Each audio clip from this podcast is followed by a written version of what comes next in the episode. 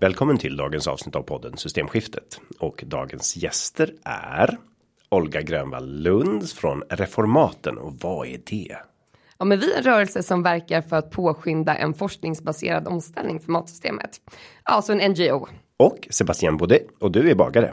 Ja, jag är bara bagare. bara, Bara verkligen och- inte. Bara och bara, nu ska vi se. Var det brödbrist som startade franska revolutionen?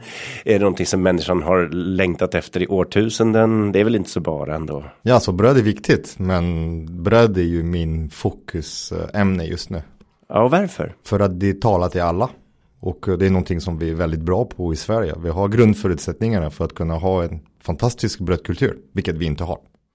När jag märkte det, jag har ju bott i lite olika länder och en sak som man alltid tänker på när man kommer hem till Sverige är att det är väldigt sött mycket av brödet som finns att köpa i Sverige.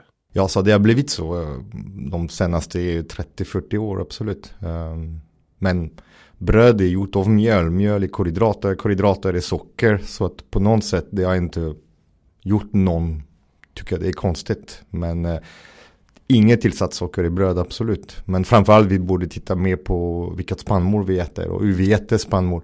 Och vad vi gör vid spannmål vi odlar. Och det är ju lite grann temat för idag då. Det är därför jag bjudit in er för att prata om hur tar vi fram vår mat, hur processas vår mat och hur borde det vara om vi ska leva goda liv. Så det blir kul. Och reformaten då, ni tittar ju på exakt det här, den industriella matproduktionen och analyserar. Och ni kom nyligen med en rapport som jag tittade lite grann i. Och den handlade om. Den handlade om dagligvaruhandeln och i Sverige har vi ju ett så kallat oligopol. Få spelare som kontrollerar hela marknaden och då är det ju ICA, Coop och Axfood. Och i den här rapporten så har vi just kollat på Willys och Hemköp från Axfood. Och det har vi gjort med en eh, nederländsk tankesmedja som heter Question Mark och då har de under sex veckor kollat igenom hur eh, kampanjerna ser ut på de här, eh, hem, alltså på de här sidorna. Då så har vi försökt eh, alltså kartlägga hur stor andel är på produkter eller, råvaror som då är eh, alltså HFSS, high in fat, fat, salt and sugar. Kort Eh, sagt och- onyttiga grejer. Precis, onyttiga grejer. Och sen den andra delen av rapporten som gjordes i samarbete med VF handlar om eh, vilket typ av kött som är då på erbjudanden. Och då visar ju rapporten att eh, de alltså, högsta andelen är på just ohälsosamma produkter. Och av de erbjudanden som finns så är fyra av fem så kallade multibuys. Så att det är att eh, man uppmuntrar kunden till att köpa tre för två eller, eller fy, fyra för 40 och sånt. Så man uppmuntrar liksom fler köp och det säger man för att dels är att kunden ska spara pengar. Men det kan ju omöjligt spara pengar när du köper någonting så det blir lite knasigt från början. Men det här är ju intressant för vi eh, har faktiskt haft ett avsnitt om just osunda marknadspåverkan eller marknadsreklam. Med Gustav Martner. Så det avsnittet finns från säsong ett eller två tror jag det var. Där vi har pratat om just osunda marknadsmetoder. Och här har vi faktiskt väldigt bra exempel på det. För att det är inte bara så att man köper tre och betalar för två. Utan när man gör det av onyttiga grejer. Då ökar också intaget. Jag tror det var 27 procent ni nämnde i rapport. Var det så? Ja, och sen också så är det inte så att det bara är alltså den produkten som ökar i inköp utan det är hela produktkategorin. Och då är det ju läsk och eh, kakor och godis och sånt som marknadsför hårdast. Och där har man sett i UK så håller man nu på med alltså förbjuda multibajs på ohälsosamma och ohållbara produkter och det hade ju varit ett fantastiskt sätt för marknaden att ja, inte göra det svårt att göra äta rätt. För idag gör ju de, alltså den mellanhanden ser ju till så att det är svårt att äta lätt. Ta Rätt. tre, Svårt ta tre, ta tre, betala för två och inklusive din hälsa typ. Ja, precis.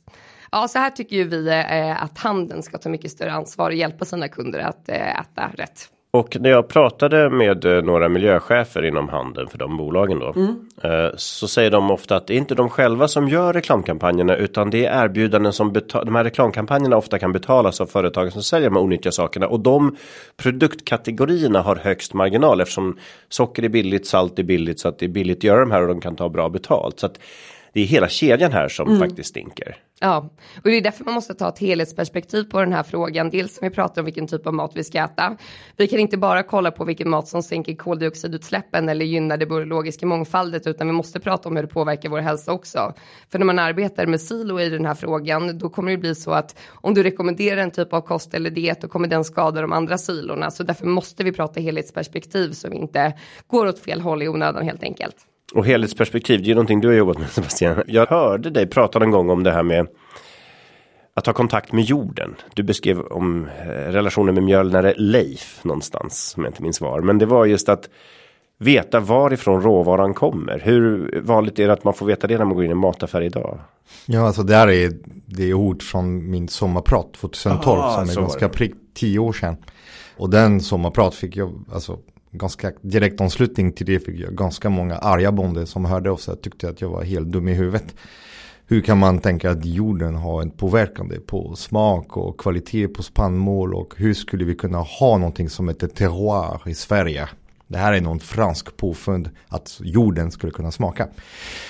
Och det, och det är häftigt eh, för att eh, nu tio år senare är man, det är ganska allmänt att man vet att det finns en smak av en plats. Att det finns en, en, ett slags typ av jord, en klimat, alltså antal soltimmar, djupt frost i det i marken och uh, olika typer av jordar påverkar ju alltså kvalitet på, på, på livsmedel och inte minst näring. Så att eh, ja, det, det, är lite, det är lite roligt att se hur eh, det hela har förändrats. Alltså samhället har förändrats och folk börjar förstå lite mer. Och att kanske svenskarna ska börja älska lite mer det som produceras här. Att man är lite mer riktat mot så här, utomlands och att eh, det är bara andra som kan producera bra mat som har specifika egenskaper. Men det är ju konstigt att man inte omedelbart insåg att det du sa var sant och eftersom det är exakt så man upptäcker och falskskyltade jordgubbar. Man kan nämligen studera mikronäringsämnena i dem och se vilken jordtyp de har vuxit i och därmed utesluta om de till exempel har kommit från Sverige. Mm -mm. Nej men det är så. Det är jobbigt alltså. En, I Sverige vi har ett ord som heter vanlig. Alltså vi äter vanlig mat. Alltså tänk du hur bra är en vanlig banan. Den är besprutad, konstgödslad, dåliga uh, arbetsvillkor. Och, och, det vanliga är ju det som folk, de flesta, de vill ha bara vanlig. Och eh, plötsligt blir någonting bra, någonting som är speciell. Och, och det är det, så de flesta äter ju vanlig mjöl och man vill ha ju vanlig bröd och vanliga livsmedel. Och eh, när det är dåligt producerat och eh, ingen skäll, då blir det också ganska, ganska tråkigt. Jag tror att många glömmer bort att allt kommer ur jorden. Alltså jorden producerar alla mikronäringsämnen, absolut allting. Alltså det är solkraft och vatten, sen näring, proteiner, alltså alla mikronäringsämnen kommer ju från jorden. Så att om jorden är inte friskt och, och bördig, då blir det problem. Men eh, samtidigt har vi ju sett en växande trend här då där den sallad vi köper till exempel är odlad inte i jord utan i mineralbäddar eller hydroponisk odling där det bara är vatten med näringsämnen i och rötterna går inte ens nuddar inte ens jorden till exempel. Mm. Vad finns det för skillnader på en sån sallad tycker du då? Alltså den typ av, av odling, det är lite som att kolonisera Mars. Alltså visst det går, bara för att det går behöver inte att vi måste göra det. Alltså Mars har inget vatten, ingen luft, det finns ingenting där. Men det går att göra det. Visst, kul att odla gröna grejer i en parkering. Men det är också att flytta lite fokusen över vad som är viktigt. Alltså vi har ett jordbruk som är dysfunktionellt, vi har ett matsystem som är ju, eh, som gynnar fel saker. Eh, Eh, låt oss sätta krut på att laga den systemet och börja hjälpa våra bönder att odla på ett bättre sätt, att se helheten och sen hjälpa konsumenterna att, att hitta rätt. Och det är där du säger Olga, det är att vi måste sätta ansvar på dagligvaruhandel och grossisterna och de som är mellanled. För idag de allt ansvar flyttas på konsumenten eller politikerna. Eh, det är ju de som är emellan. Jag som bagare, det är jag som har ett ansvar. När jag bakar en bulle och stoppar bullen eller ett bröd, stoppar den på hyllan och säljer den. Det är mitt ansvar. Det är bra grejer i den. Jag måste ha koll på det. Sen att 9 av 10 inte förstår vad jag gör. Det är skitsamma. 10 av 10 de får ta en bra bulle med kulturspannmål som är stenmalet, ekologiskt odlat utan bekämpningsmedel. det är en ägg från en öna som har fått picka, ha ett naturligt uh, beteende och, och, och så. Och det, det, är mitt ansvar. Ni pratar ju båda här om helheten ur olika perspektiv egentligen, eller hur? Mm. Och här skulle jag ge till, för idag är det ju alltså tyvärr en klass och utbildningsfråga, vilka råd och kunskap eh, om hållbar och hälsosam mat, vilka kan få tag på den här typen av mat. Och idag lever vi i ett land där det finns utsatta områden där skolorna lagar 30% mer mat på måndagar för att barnen har inte ätit ordentligt på helgerna. Och de lagar mer mat på fredagar för att de här barnen ska få näring. Så på ett sätt är det här också en väldigt eh, viktig rättvisefråga, att alla har ju rätt till en viss hälsa. Och då till exempel den här barnkonventionen som blev lag för några år sedan, den inkluderar att barn har rätt till hälsa och eh, näringsrik mat. Så vi lever ju inte ens upp till barnkonventionen just nu. Då när man kollar på den politiska viljan att genomföra styrmedel så att det ska bli lätt att äta rätt, då finns ju inte den och det är ju väldigt problematiskt för här säger man, alltså i många undersökningar vill konsumenter bli styrda och man blir väldigt styrd redan idag för att, eh, för att liksom det som finns på hyllorna är det man köper såklart. Och då har ju både Folkhälsomyndigheten och Livsmedelsverket fått i uppdrag tidigare att ta fram olika med förslag på hur man ska rätta till den här matmiljön som sen ska leda till en bättre folkhälsa och eh, Eh, hälsa för miljön. Men då har det ju inte funnits ett eh, publikt stöd för att man ska genomföra de här förändringarna och de är ju så pass obekväma för industrin att de lobbar starkt emot det. Men en sak som har hänt som vi såg, eh, så när vi klev in med reformaten för två år sedan, då hade Livsmedelsverket som uppdrag att hjälpa konsumenter att göra medvetna val. Och nu i våras så fick de en ny instruktion som en myndighet och det handlar om att istället för att lägga det på individen att göra medvetna val ska de som myndighet skapa förutsättningar att göra medvetna val. Och det är en jätte jättestor skillnad, så då flyttar man ju upp ansvaret. Så det måste vi bilda bred opinion kring så inte det rycks bort med den nya regeringen. Det är väl kanske bästa sättet att bara hålla tyst om att det händer, kanske få vara kvar. Ja, men, men, men... Okej, ta bort ja, men äh, skämt åsido så vi har ju sett, och det, är ju, det kan vara nudging, det kan vara olika sätt. Men mm. också tycker jag någonting som vi pratar för sällan om. Jag var ju tio år i parlamentet och livsmedelsansvarig i gröna gruppen. Och jag försökte ju förbjuda saker också. Allt ska inte behöva väljas, allt ska inte behöva nudgas utan det riktigt dåliga, det ska ju bara bort. Vad fick du för bemötande då? Alltså bland företagen som dominerar lobbyisterna i Bryssel så är det klart det blir negativt. Men många människor är ju trötta på för många onödiga val. Man vill göra relevanta val. Och väldigt mycket av det här, man orkar inte sitta och läsa alla tillsatser i en grej, utan man tar det som är billigast eller det som är mest exponerat eller det man sett reklam för och så vidare. Det är så det funkar. Då är det viktigt att det som överhuvudtaget finns på hyllan inte förstör vår planet eller förstör vår hälsa där ser vi ju att man har haft för låg eh, vilja att ta bort det som faktiskt inte är nödvändigt. Jag tänker på en del av tillsatserna som vi ville ta bort och eh, även att man tillåter väldigt falsk marknadsföring. Till exempel juicedirektivet fick jag slåss jättemycket för att om du avbildar frukt på förpackningarna så ska den frukten finnas i. Det är ju helt självklart tycker man kanske om man köper juice att om det är blåbär på så är det blåbär i. Men eh, det är ju inte så det har funkat. Fram till nu finns det en sån lagstiftning för just juice, men inte för mycket annat. Där kan man fortfarande nästan vilseleda. Du får inte ha vilseledande märkning, men vad är vilseledande i eh, dagens livsmedelshyllor tycker du när du går in i en butik?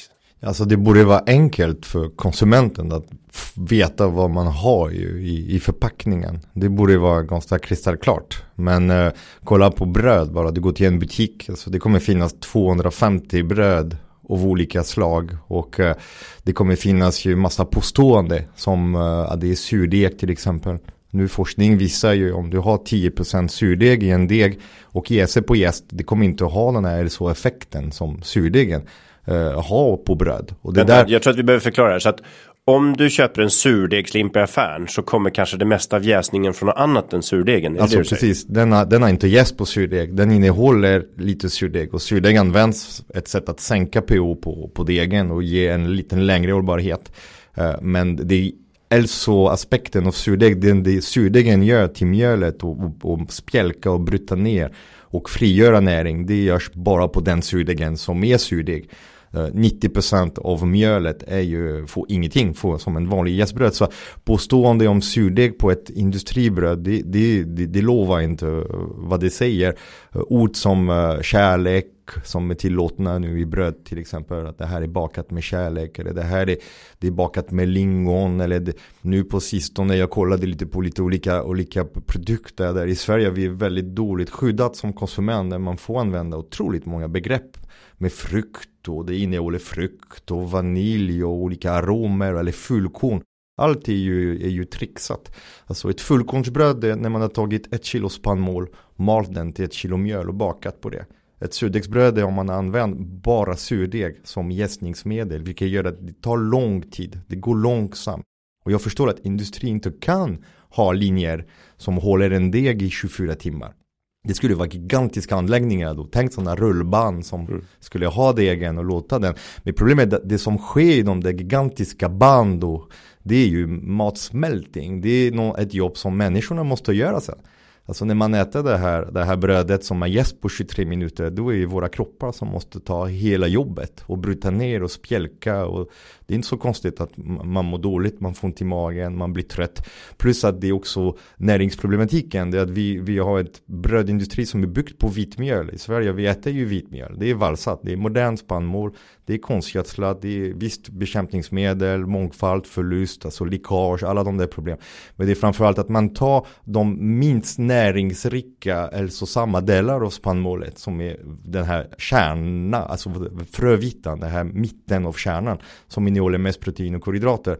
Eh, man tar bort i stort sett alla fiber och det mesta av mineralerna. Och sen pumpa in den med en massa luft. Och eh, om du går till en livsmedelsaffär så kolla på brödpriset. Alltså eh, kilopriset. Den är otroligt hög. Alltså, jag har bakat det bästa bröd jag kan baka. Jag har ägnat hela mitt liv till bröd.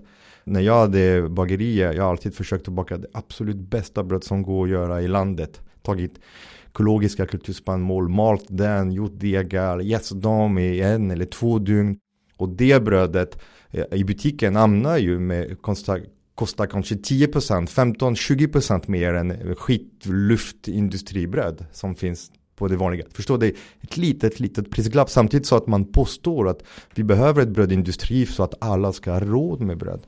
Men det mesta bröd, nu jag kollade sista så gå på en vanlig livsmedelsbutik. Du kommer se halvfabrikatbröd som kostar 80 kronor kilo, 90 kronor kilo. Jag har sett sådana på under, under 10 kronor kilo. Det kostar 9,95 men det, det är 80 gram.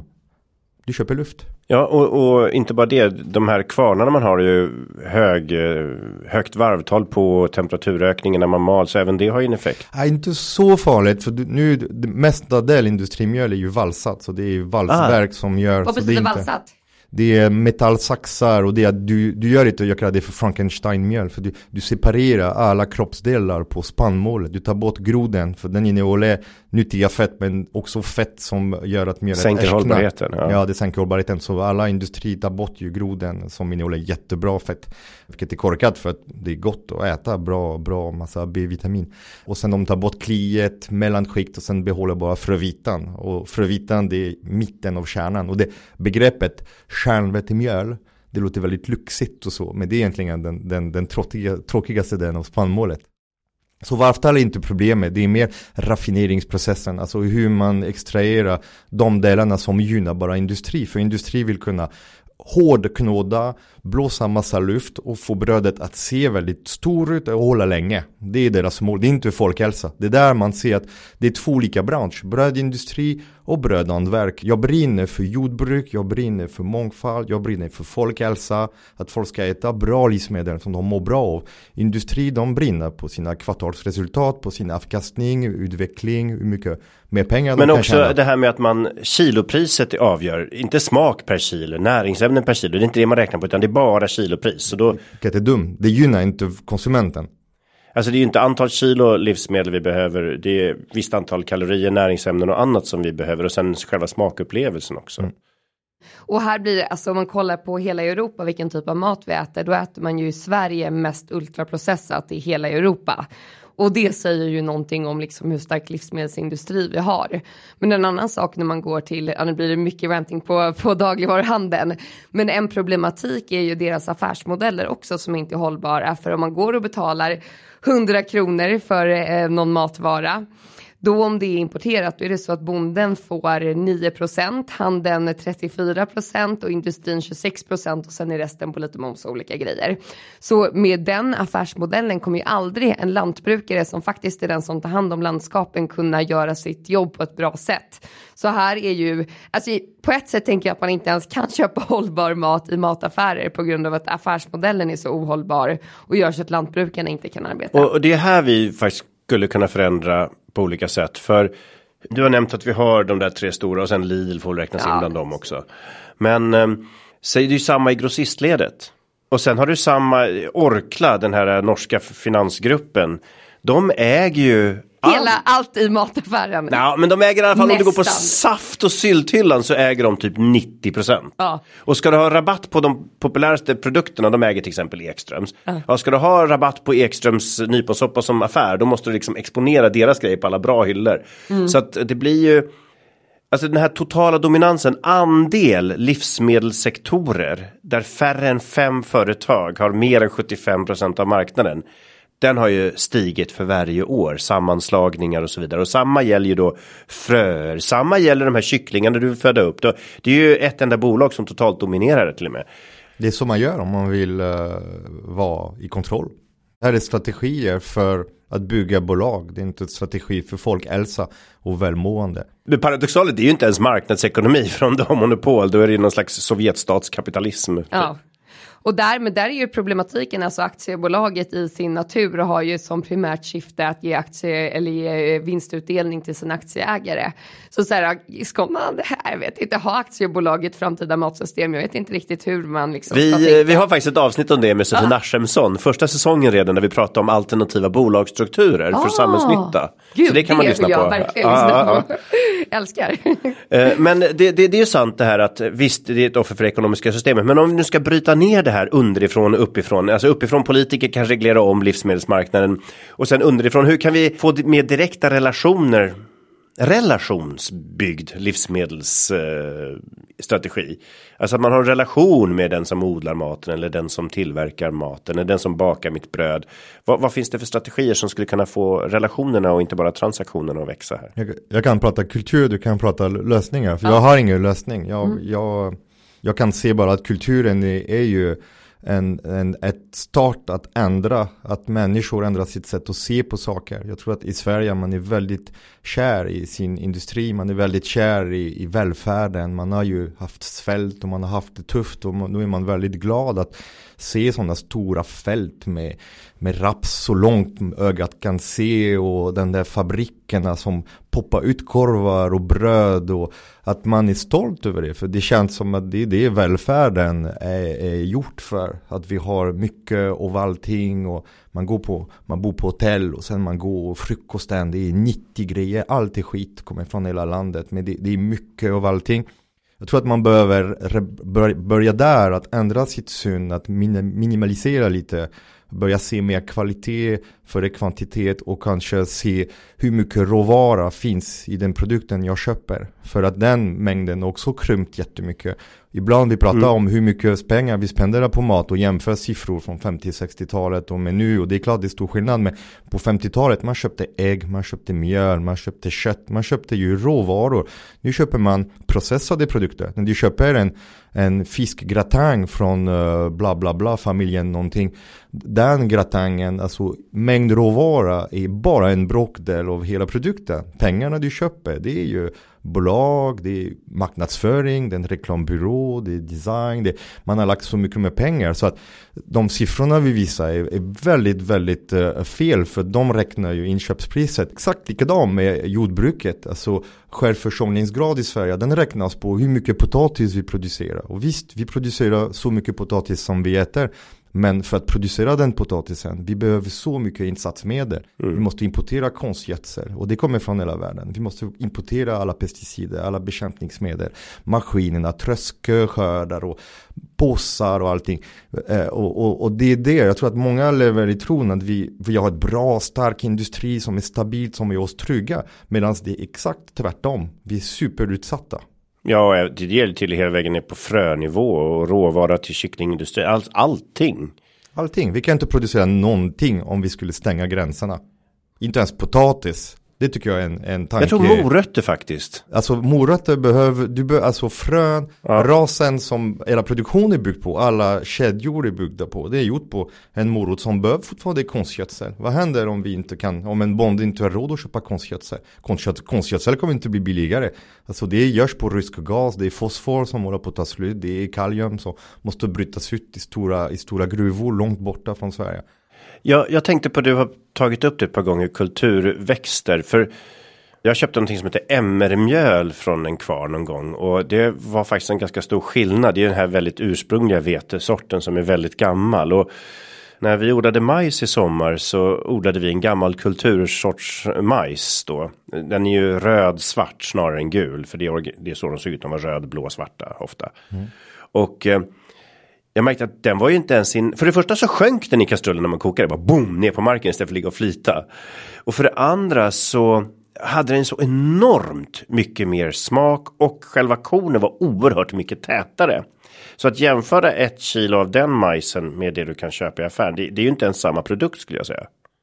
Nej, säkert inte. Alltså majsen är kanske inte bästa exemplet. Nej, för vi odlar inte så jättemycket majs i Sverige. Om man skulle hålla sig till spannmålet, där, där har vi MR absolut mycket mer om man ska titta på framtiden och klimatförändringen som vi ser har börjat påverka jordbruket är mycket bättre. Alltså det är klart att MR är ett växt som är superhög. Alltså det är 1,70-1,80 hög. Den har ett djuprotsystem.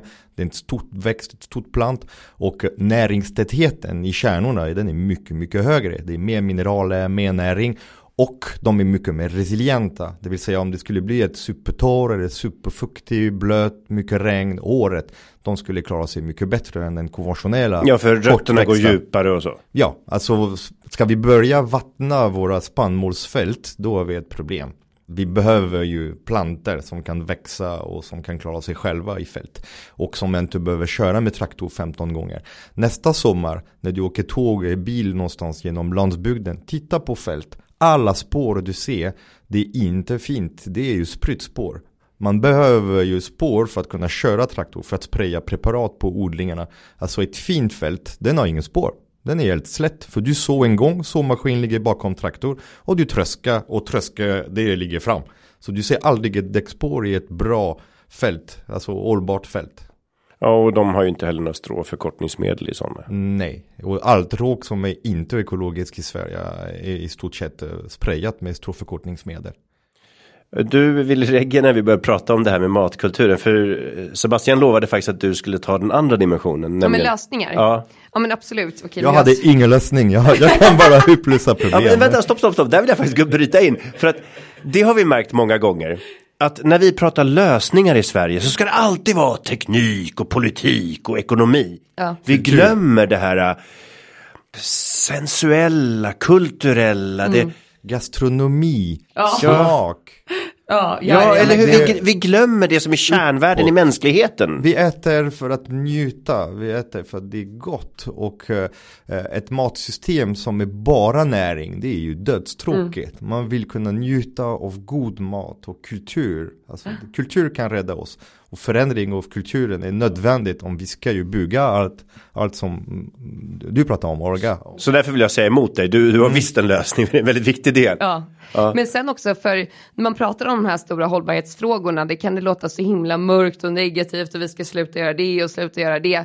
Men när man kommer till maten, för det första är det någonting som berör oss alla, vi alla bör äta tre gånger om dagen. Eh, eller, så ja. sällan! ja, nej men okej, jag är också en merätare, men, men så varje gång du käkar har du ju möjlighet att så här, det du ligger på tallriken kommer antingen bidra till en bättre värld eller en sämre värld och påverka din hälsa positivt eller negativt.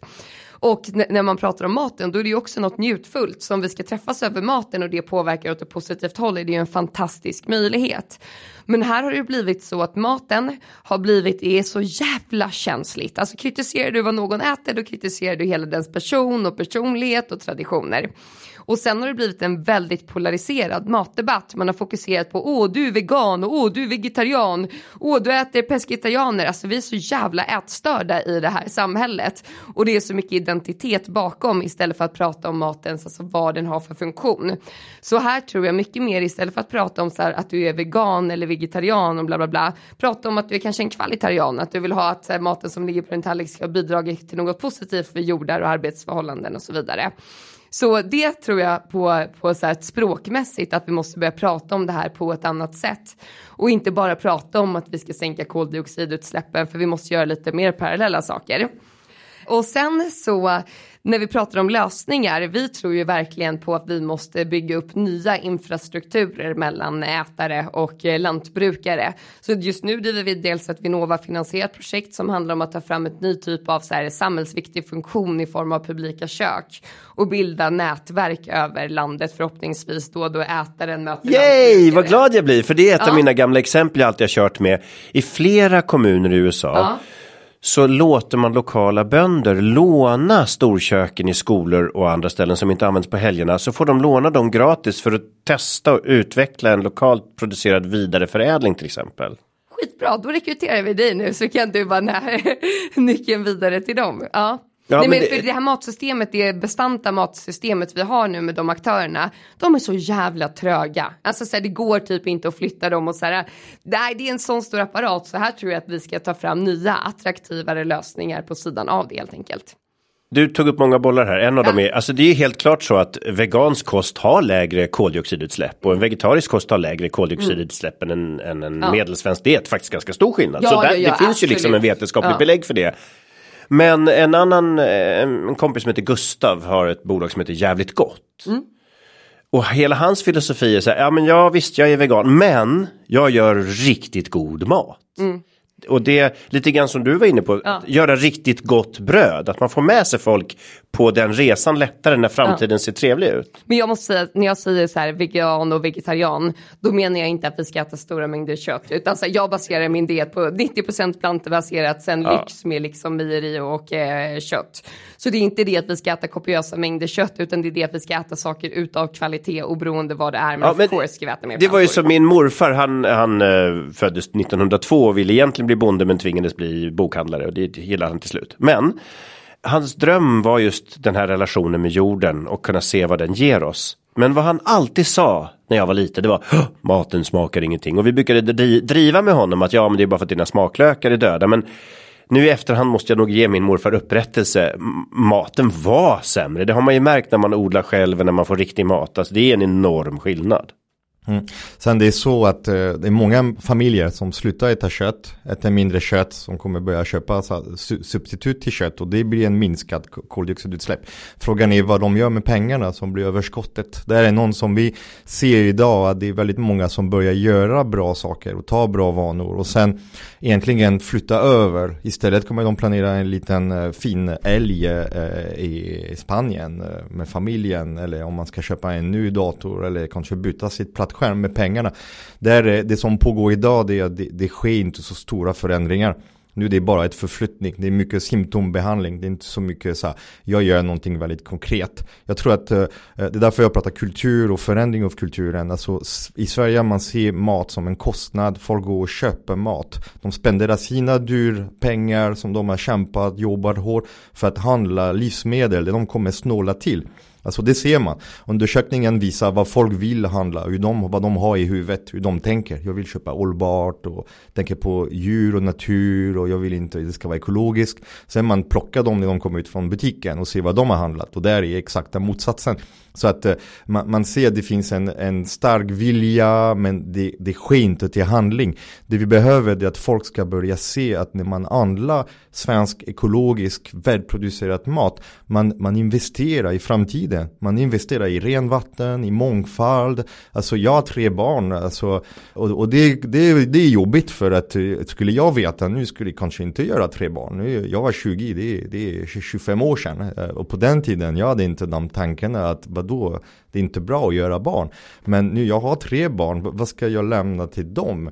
Så när jag handlar bra mat i en affär, jag ser det som istället för att lägga pension och lägga massa fonder och grejer. Jag investerar i renvatten, i mångfald, i människor som jobbar med mat. Folk som investerar sin tid och sina liv till att producera bra livsmedel för folket. Jag tror det är en ja. bra inställningsförändring. Och det var viktigt att du tog upp i början här också. Det har jag faktiskt pratat i tidigare avsnitt, säsong fyra tror jag det var. Valpoddspecialen med Alf Hornborg och Mikael Malmé som det här med Givons paradox eller rebound-effekten som du pratar om. Att om man sparar pengar på ett ställe så konsumerar man dem på något annat och så fortsätter utsläppen. Så det, det är viktigt att ha med sig och att då satsa på det som har lägre skador och mer glädje. Det, det är en bra början som en lösning också. Mm. Och sen när man pratar om barn så tycker jag också att det är väldigt eh, viktigt att lyfta barnens aspekt i det hela. För några veckor sedan så satt jag i en panel och då presenterade Unicef tillsammans med Hjärt och lungfonden en rapport som handlar om vad barn blir eh, utsatta för typ av matmiljö. Så då är det fyra skolor i Sverige de har tagit och då har barnen gått runt och fotat med en app och liksom tagit bilder på allt de möts av som är kommersiellt, liksom reklamer, förpackningar och sånt. Och de här barnen, de är ju liksom utsatta för en matmiljö där det bara är påtryckningar om att de ska äta ohållbart och ohälsosamt hela tiden. Och en av ungarna liknade reklamerna som träd, att de finns ju överallt så man tänker inte på det. Och en annan unge sa att, eh, att så här, men vi måste skärpa oss och äta bättre. Och då frågade moderatorn så här, men vilka ska skärpa sig? Och då sa hon så här, nej men det är vi barn som måste göra det. Och då förstår inte jag hur man som en vuxen inte kan se hur hemskt det är att barnen lägger det här på sina axlar och får dåligt samvete för att de äter skit. När det är vuxenvärlden som möblerar verkligheten och liksom designar den världen de lever i och inte tar ansvar. Så där utsätter vi ju dem för både mental ohälsa men också fysisk ohälsa. Vi pratade förut om, du nämnde förut om det, att, mm. att uh, om vi nu ska ändra på det här och idag i, i vissa fall så får bonden bara 9% av slutpriset och i vissa fall är det lite mer. Men det kan vara upp till 25-30 också ibland. Men ofta ligger det liksom på mindre än en fjärdedel oftast. Och när man tittar på bondens marknad till exempel, den som är närmast där jag bor. Där är ju priserna eh, sjukt höga, 90 kronor kilot för mm, rotfrukter och så vidare. Hur ska vi göra så att vanligt folk kan ställa om och ha en mer direkt relation med bonden utan att det blir sådana extrema prisnivåer? Alltså sluta göra det till en speciell segment som är bättre. Frågan är varför säljer man en vanlig rotfrukt som är subventionerad där det kommer inte in. Om, jag, om man köper en vanlig potatis, alltså den är subventionerad, man betalar två gånger. Man betalar en gång i kassan, en gång med sina skatter. Du köper ett paket vitt mjöl på, på, på en livsmedelsbutik. Du kommer ju, du betalar vid kassan men du betalar också med dina skatter. Och sen en tredje gång betalar du med hälsoeffekterna. Och sen du, har, och sen du mår inte så bra och sen du blir lite trött och Alltså man måste börja också se den hela priset på, på maten och så länge vi kommer subventionera dålig mat och dåliga råvaror det är klart att de bra mat kommer ju kännas dyrare men eh, vad, vad är det? Alltså 90 kronor för en rotfrukt det kanske inte är så dyrt om man skulle kolla på hur mycket näring som finns i den och hur den har tagits fram. Sen det, varför ska bra grejer sitta på gatan några månader om året nära dig. Varför kan inte ju dagligvaruhandel ta sitt ansvar och börja öppna upp för att sälja riktigt mat? Alltså jag går på en livsmedelsbutik idag, jag, jag, jag blir inte så sugen på att äta. Alltså jag, när jag vet hur allt mat tas fram och hur det är, det mesta är oätbar. Alltså det, jag går dit och köper toapapper. Typ. Mm. Uh, så, och kanske en tomatburk och, och, lite, och lite tandkräm. Typ. Alltså och till det... och med toapappret i kalhyggesbruket som, alltså det är, det är, man sitter där med ändan bar. Men... Ja. Det jag menar, att uh. ingen mat, att jag blir inte sugen på att köpa mat. För där jag ser inte maten, jag ser ju alla process bakom och att det blir väldigt lite mat för pengarna. Så att jag förstår att du ser en rotfrukt för 90 kronor och tycker att det är dyrt. Men samtidigt, det beror på hur man räknar. Mm. Ja, och sen så tänker jag att, vad heter det, eller i vår rörelse, det vi, vår slogan är ett positivt globalt matsystem där det är lätt att äta rätt. Och det är det ju inte idag. Idag är det nästan omöjligt att äta rätt. Och då så kollar vi också på, eller så här, när man pratar om det här med att eh, de här råvarorna finns i vissa affärer. Vi måste också prata om så här, vad spenderar vi pengar på i stort? Är det en mänsklig rättighet att åka på resor och köpa massa onödigt fast fashion och shit? Alltså här kanske man istället borde kolla på så här, vad lägger jag mina pengar på och lägga, prioritera sina pengar för jag måste säga att om man har råd att köpa onödiga saker, saker som du inte behöver för att leva, alltså oh, ja, sånt som bara förgyller livet som inte riktigt är nödvändigheterna. Då tycker inte jag att man får klaga på att mat är dyrt, för det då handlar det mer om hur du väljer att prioritera dina pengar. Om du drar på någon resa till New York, skit i det då och köp bra mat, då är inte mat så dyrt längre. Så det handlar om också hur man prioriterar och eh, ja, vad man tycker är en rättighet Mm. Men för den som inte har några marginaler, i USA har man ju pratat om food desert. Vi är mm. inte riktigt där ännu, men du var inne på i utanförskapsområden ja. att där är ju då matbutiken så central. Men eh, där finns det i alla fall riktig mat. Eller det finns i alla fall grönsaker. Det finns, det finns eh, dessert i Sverige ja, också. Ja. Men du kanske inte varit i Gävle eller i Sundsvall mm. och försöka äta mat en fredagkväll. Nej, eller pappa bodde i Gävle i och för sig, men det var några år sedan. Mm. Men, men alltså, jag menar att de här matkedjorna vi har i Sverige, de finns egentligen i alla städer. Mm. Det går att få tag på mat eh, i Sverige om man vill av den sort som finns i vanlig matbutik. Nu har vi ju kritiserat den också, men i USA finns det ju bara snacksbutiker, tobakshandlare som säljer superonyttigt. Det finns ju inte ens en grönsak att köpa. Där är vi inte ännu. Men, Nej, men grönsakerna som finns. där om vi inte gör någonting snabbt. Ja, och då tänker jag, vi, vilka är vi här? För vi har ju den här oligopolmarknaden, mm. både på grossistled och i detaljhandlarled. Vi har politiker som bara lyssnar på livsmedelsindustrin. Alltid i varje valrörelse säger de att vi ska gynna svensk landsbygd, men det gör de ju aldrig. Så vad är det vi skulle kunna be politikerna om? Vad kan vi tvinga företagen till och hur kan vi vanliga människor organisera oss så att de gör som vi vill? Alltså jag tänker att det, det, första är att mobilisera ett stöd för de här reformerna som behöver göras och det håller vi på med. Eh, det håller vi på med hela tiden och det ska vi göra mer strukturerat nästa år. Eh, för här måste också, alltså ingenting mot Greenpeace, men jag tycker att den här frågan i hela miljörörelsen skulle kunna gå samman mycket starkare i matfrågan. För ibland blir det så att matfrågan eh, faller mellan olika organisationer och olika organisationer har sitt silotänk på matfrågan. Så att bilda den här breda opinionen och mobilisera engagemang. Men sen politikerna, de måste ju inse att de är folkvalda och inte valda av företagen. Men en sak som jag tror är otroligt viktigt är att man gör beslutsprocesser transparenta. Alltså hur kommer det sig att vi inte har ett system i Sverige där lobbyister är akkrediterade och det är liksom svart på vitt vilka som påverkar vilka beslut. För de här stora branschorganisationerna, de är fan överallt i vartenda rum och påverkar otroligt mycket och sen för när det står så här, ja ah, men ah, livsmedelsföretagen är på tv, då står det ju inte ICA Coop eller Axfood är på tv utan då liksom är de täckta i den här manteln. Så jag tror mycket mer på att liksom synliggöra branschorganisationers påverkan. Det borde vara transparent I'm bara. all for it. Jag la faktiskt en sån motion i riksdagen jag satt här. Ja, det gjorde jag.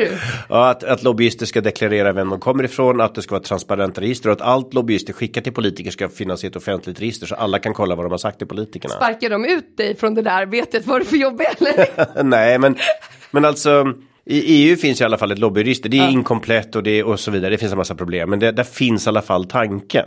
Mm. Men hur är det i Sverige? Har det liksom Nej, inte... Sverige är ju totalt bara vilda västern. Det var ju Sverige tillsammans, eller ja, Liechtenstein är väl efter oss fortfarande. Men, men um, när Malta ändrade sina lobbyregler så var Sverige det sista land i EU som inte förbjöd anonyma gåvor från företag till politiker. Men alltså är det, är det näringsdepartementet man snackar med? Vem är det man tar upp det här problemet med? Ja, det är demokratiministern i det här fallet. Demokratiministern, okej, okay, fan. Ja. Men i alla fall, det får vi ta upp. Så det är ett förslag. Ja. Lobbyregister så man ja. vet vilka som påverkar. Ja. Vi har pratat om kulturella förändringar och synen på mat. Har du några fler tankegångar? Ja, jag skulle ta ner på massproduktion och industri. Alltså gå tillbaka till en struktur som är baserad på mindre producenter som är lite mer utspridda över hela landet. Att uh, jag är min våta dröm om man skulle kunna stänga pågen till exempel och öppna 6000 små bagerier i landet med varsina 5, 6, 7 anställda. Där man kan köpa lokala mjöler och ägg och smör. Och det låter som en idyllisk liten bild som inte känns möjligt. Det låter jag som en idealist, en drömmare. Men det är faktiskt så man kan rationalisera på bästa sättet. Eh, det skulle ta tillbaka människan i processen också. Där du du vet folk kommer jobb. till mig, jobb, alltså du förstår ju mycket jobb, alltså Pågen har inte ens tusen anställda 6000 bagerier som öppnar i hela landet för att kunna baka. Det de bakar. Sen ligger ju Pågen i elområde 4 också, det skulle säkert bli billigare bröd i slutändan. Absolut, alltså, och brödet, brödet blir bättre, det blir en gastronomisk karta där man kan gå från stad till stad Och varje bageri har personal, personal har barn, de går på café, de går och klippa sig, det skapar också så, sysselsättning. Så att jag tror att den bilden av att vi har ett industri som gynnar eh, eh, landet och gynnar ju eh, oss är ju fel. Det är tvärtom. De är ju mer ett problem än en lösning.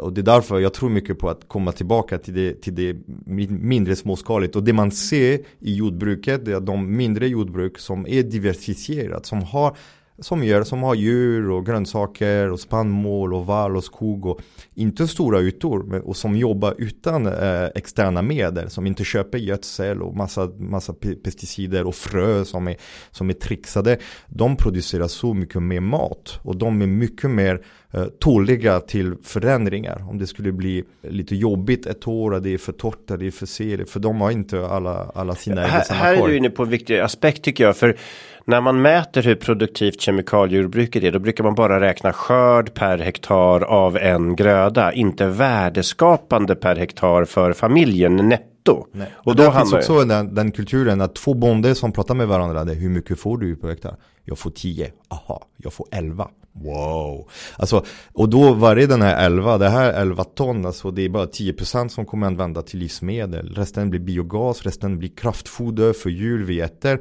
Det kommer tippas i en silo, det kommer säljas under priset vad det kostar att producera det, det kommer behöva subventioneras. Och sen bonden vet inte vad sin råvara går till. Alltså hur är det att sitta på en traktor och, och veta att man producerar för världsmarknad när man är i Sverige och, och odlar sina åkrar mina odlare, deras stora stolthet är att jag förädlar deras grödor och baka en produkt och gör någonting som de kan se, de kan hålla i och ta. Jag tror att den här, att man har tagit bort från jordbrukaren makten över vad sin råvara går till är ju mm. väldigt Men, eh, farlig.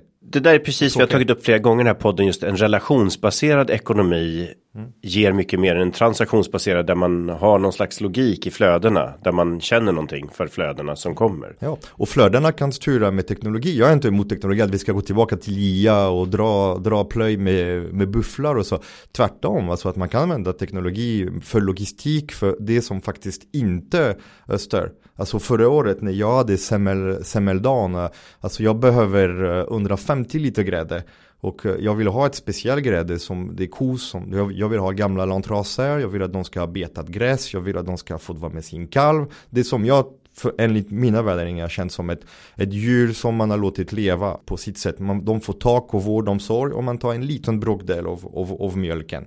Jag kan inte få, få fram 150 liter av den grädde. Så jag tog Instagram, modernt Instagram, algoritmer. Jag sa, jag behöver grädde. Har du sådana kossor så att du Vänersborg, Rödkulla, Fjällko, Jersey. Du låter dem få vara med kalven, du får mjölk, du har en separator. Elva stycken hörde oss. De hade sådana 12, jag kan fixa 12 liter, jag kan fixa 9 liter, jag kan fixa 15 liter. Och sen när de hade paxat alla de där, då de gick till sina medier och sa, eh, är det någon som åker till Stockholm nästa vecka?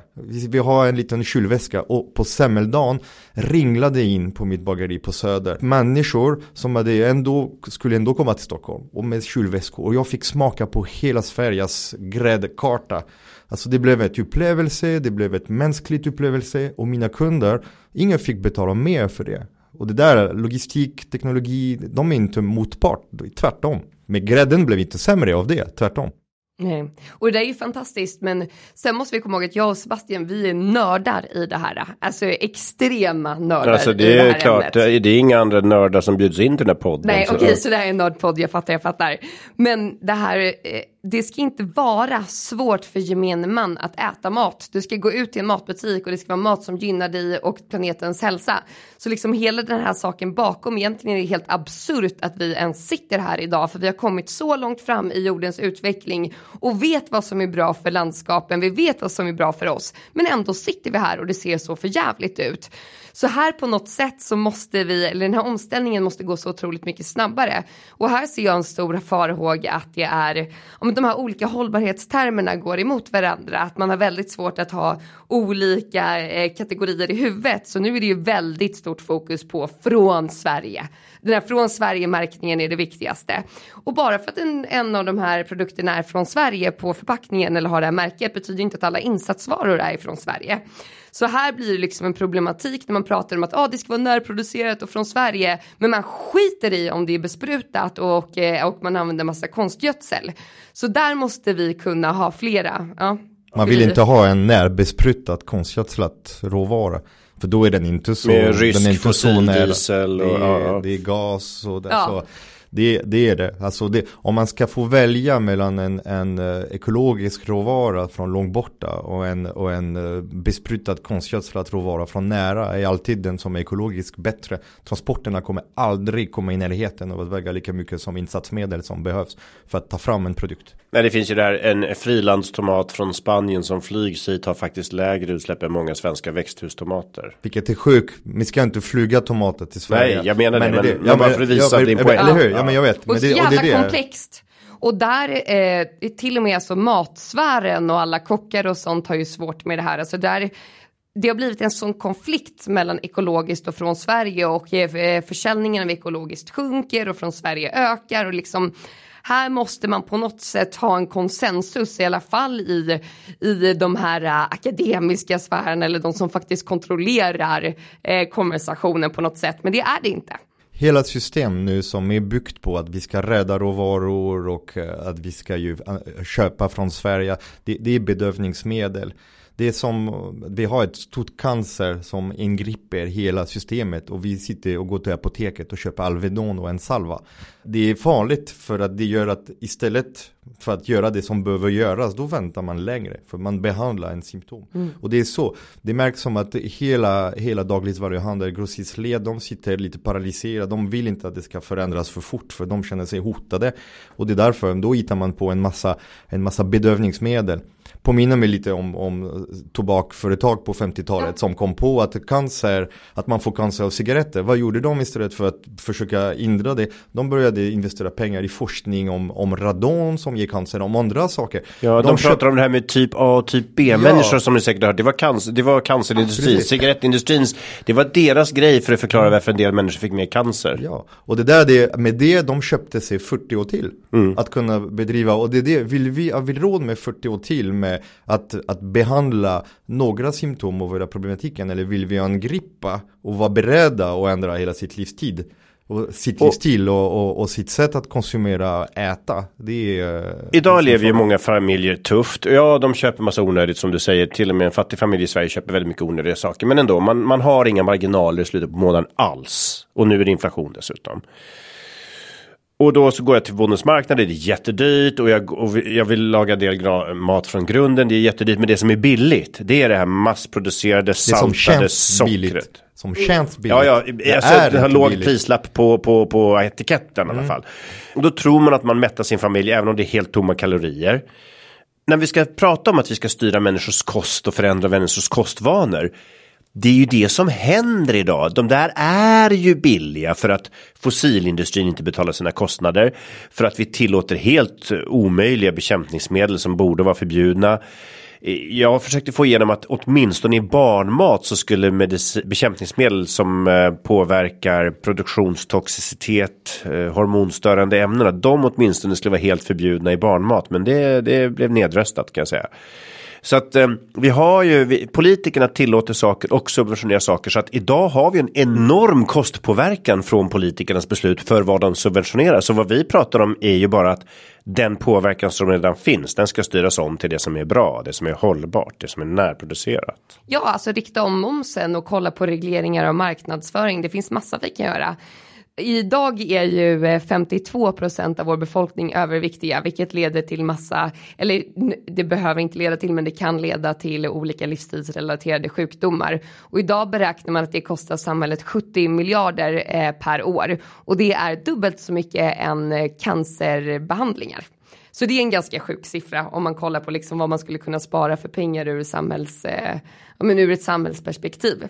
Ja, och sen förstör vi våra vattenresurser med pesticider ja. och vi utarmar jordens ekosystem genom eh, besprutningar och så kalhyggen mm. och så vidare, monokulturer och importerade arter och allt möjligt. Så att vi, allt det här kostar enorma pengar, men det döljs, precis som du var inne på Sebastian, att, att det döljs, det syns inte på prislappen när du köper grejerna. Och det är det som är bra med bröd, att bröd är någonting man kan börja redan idag behöver inte vara en stort systemförändring. Alltså idag kan man gå i en affär och köpa ett ekologiskt eh, stännmalet, anverksmässigt mjöl eh, eller produkt. Eh, och, kan man hitta det i dagligvaruhandeln? Ja. Men är alltså, det bra absolut. nog om jag går till salt och kvarn stenmalda fullkornsrågmjöl? Är det, är det gott nog? Är det okej? Okay? Det är ekologiskt stännmalet tillgängligt, prisvärt, absolut. Alltså du vet vad som ingår, det är mycket av råvaran i priset i butiken. Mycket mer än de andra stora, stora kvarnar som har ett tom, uh,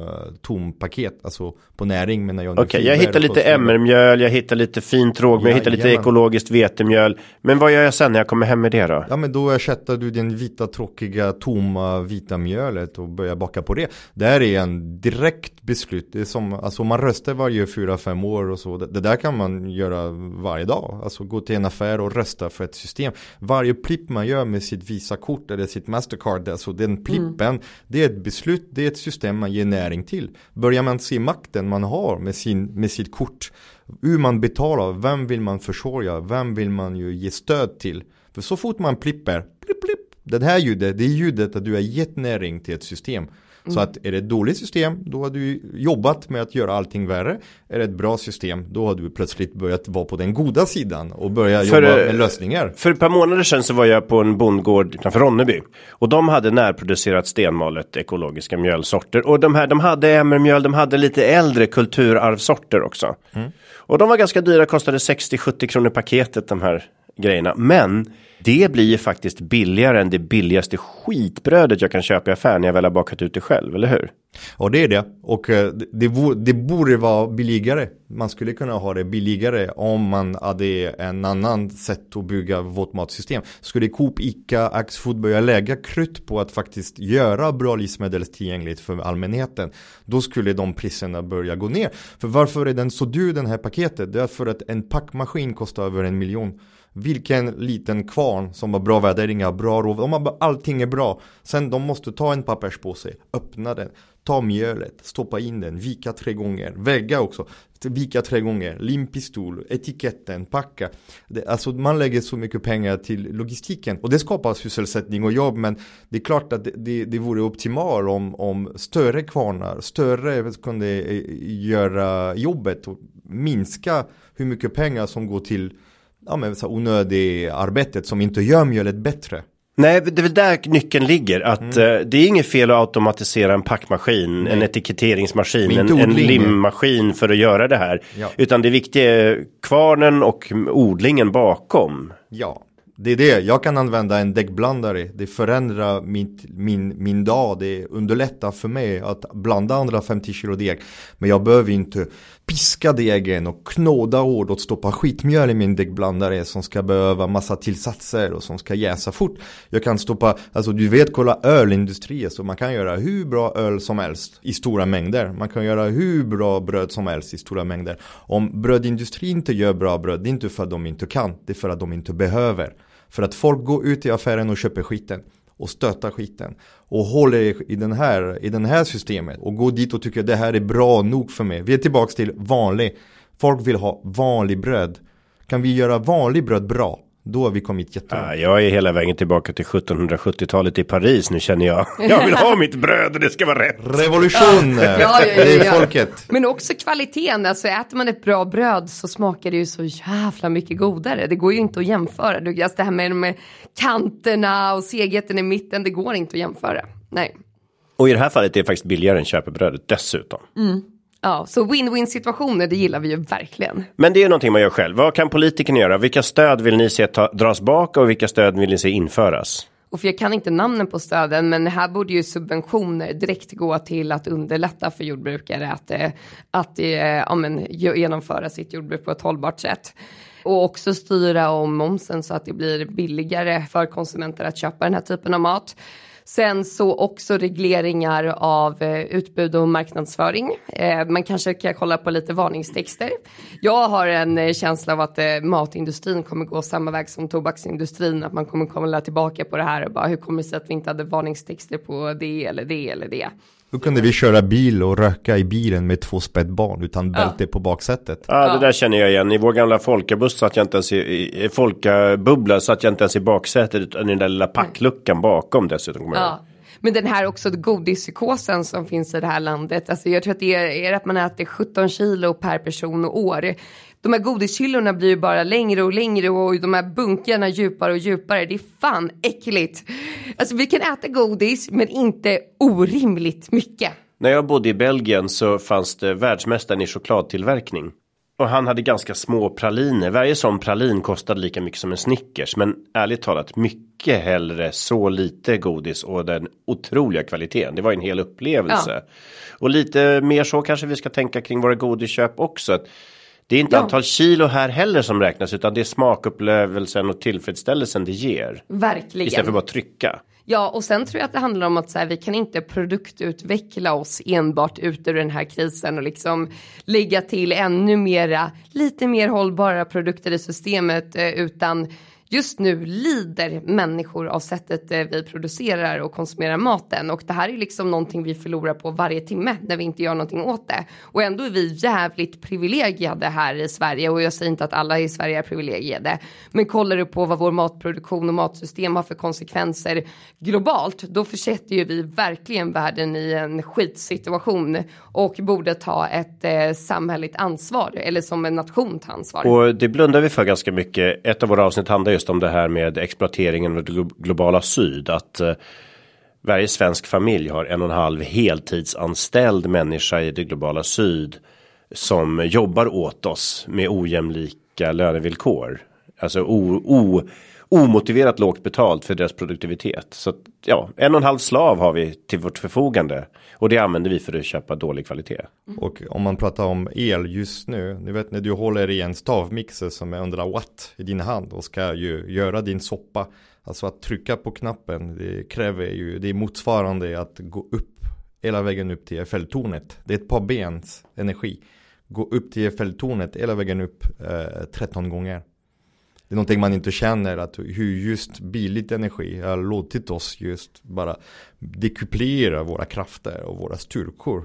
Det ska vi och Vi ska vara tacksamma för att en del arbete slipper vi göra själva med Absolut. kroppen. Men eh, jag har noterat det där i allra högsta personliga grad. För vår moderna sån här, vad heter det, vispmaskin. Mm. Den pajade, den var bara från 2014. Ja men då använde vi förstås min eh, ex-partners gamla maskin från år 2000. Den pajade också ganska snart nog. Och sen nu kör vi på den här från 70-talet som mamma köpte när jag var liten. Mm.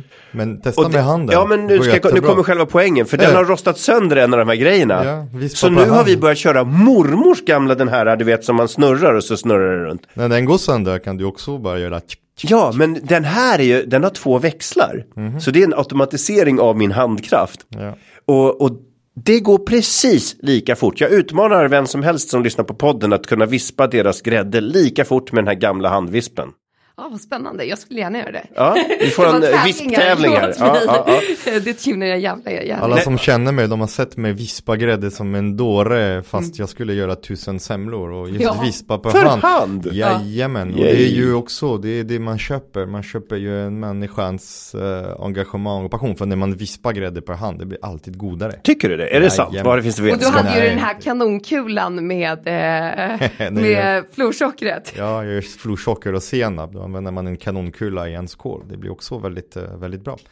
Är det sådana, det, det är saker som, som ger också skratt och underhållning och gemenskap, alltså allt. Man måste se ekologi och hållbarhet som någonting som ger mer i livet. Vi ska alltså, sprida glädje. Man Nej men det kommer jag ihåg.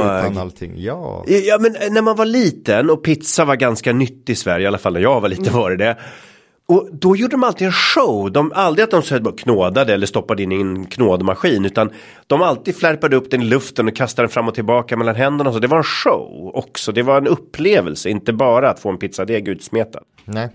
Jo, det är det maten kan bidra till. Att skapa de här äh, upplevelserna där man förenas, man pratar om det, men man skapar minnen över maten, man förenas, ja, så då är det en väldigt ja, men positiv, eh, positiv förändringskraft helt enkelt. Ja, och då, då är vi inne på fred, för på många språk så är ordet för fred har kopplingar till mat, att bryta bröd i några ja. språk och så vidare, att dela på någonting. Det, fred är ofta det att maten har en så djup kulturell betydelse i alla kulturer egentligen.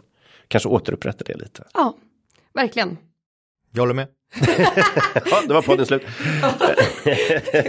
Fast det är det nästan i och för sig. Det är faktiskt slut. Ja. Nu folk som har lyssnat idag ja. och känner inspiration. Vad vill ni att de ska tänka på, ta tag i? Vad vill ni skicka med till dem? Alltså först känner man tung över att, jaha, det här är hopplöst och så. Och sen när man, har, när man har landat i den känsla, då kan man börja tänka, fan vilken underbart möjlighet att kunna leva i den tiden när man kan faktiskt göra den största skillnad kanske en människa kan göra i mänsklig historia. Att kunna ju engagera sig och börja se alla möjligheter man har och börja ägna sitt liv till att göra bra saker och stötta bra system och samverka med bra system. Se en nytt sätt och omvärdera ju vad som är viktigt och vad som är, vad som är värt mycket.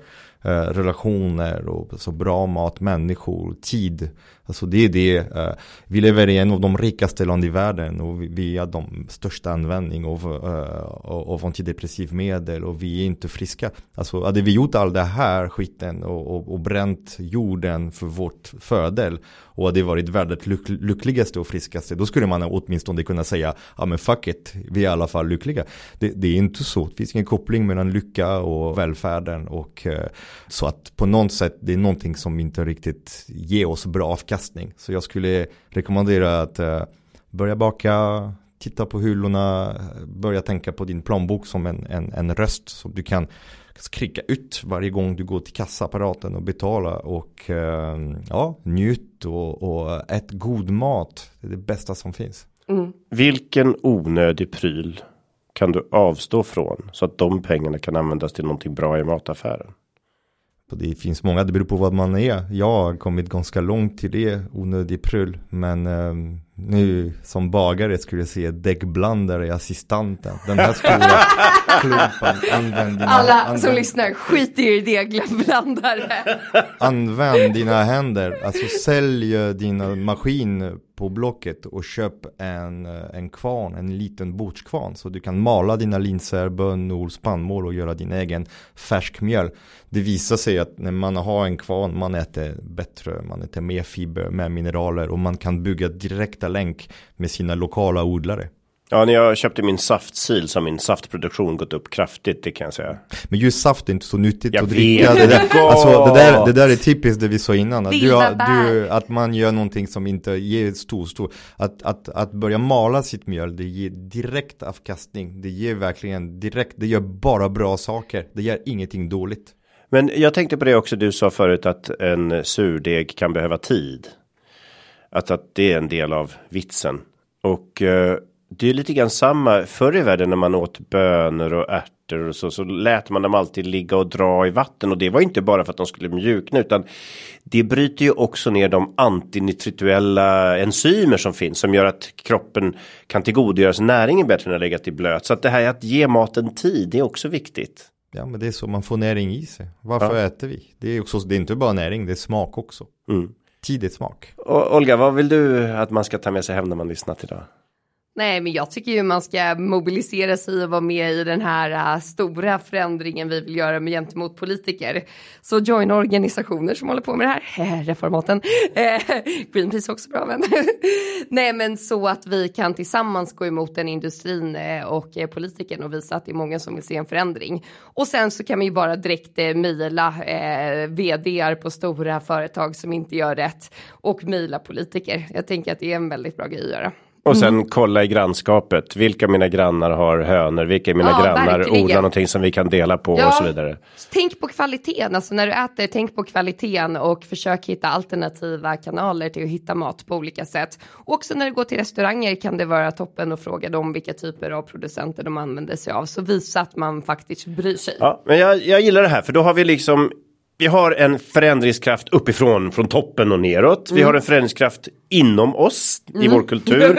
och vi har en förändringskraft i vårt närområde. Med alla de tre maktmedlen kanske vi kan få styrsel på det här då. Ja, ja, ja, vi löser det här. Ja. Ja, ja, superpositiv. och sluta skämmas för att du vill ha bra mat. Som ja, är verkligen. Var stolt över sätt. det. Det är en värdering som är jättefin. Mm. Som att vara vegetarian. Det är inget fel på det. Härligt. Det var fina slutord. Tack ska ni ha. Ja, tack. Stort tack. Ciao.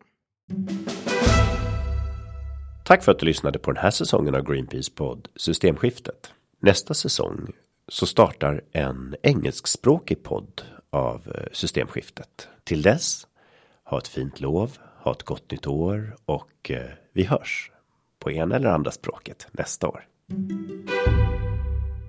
Tack för att ni lyssnade på dagens program som gjordes av Greenpeace där producent är Christian Åslund, Johanna Larsson Ludvig Tillman och jag, Carl Schlüter.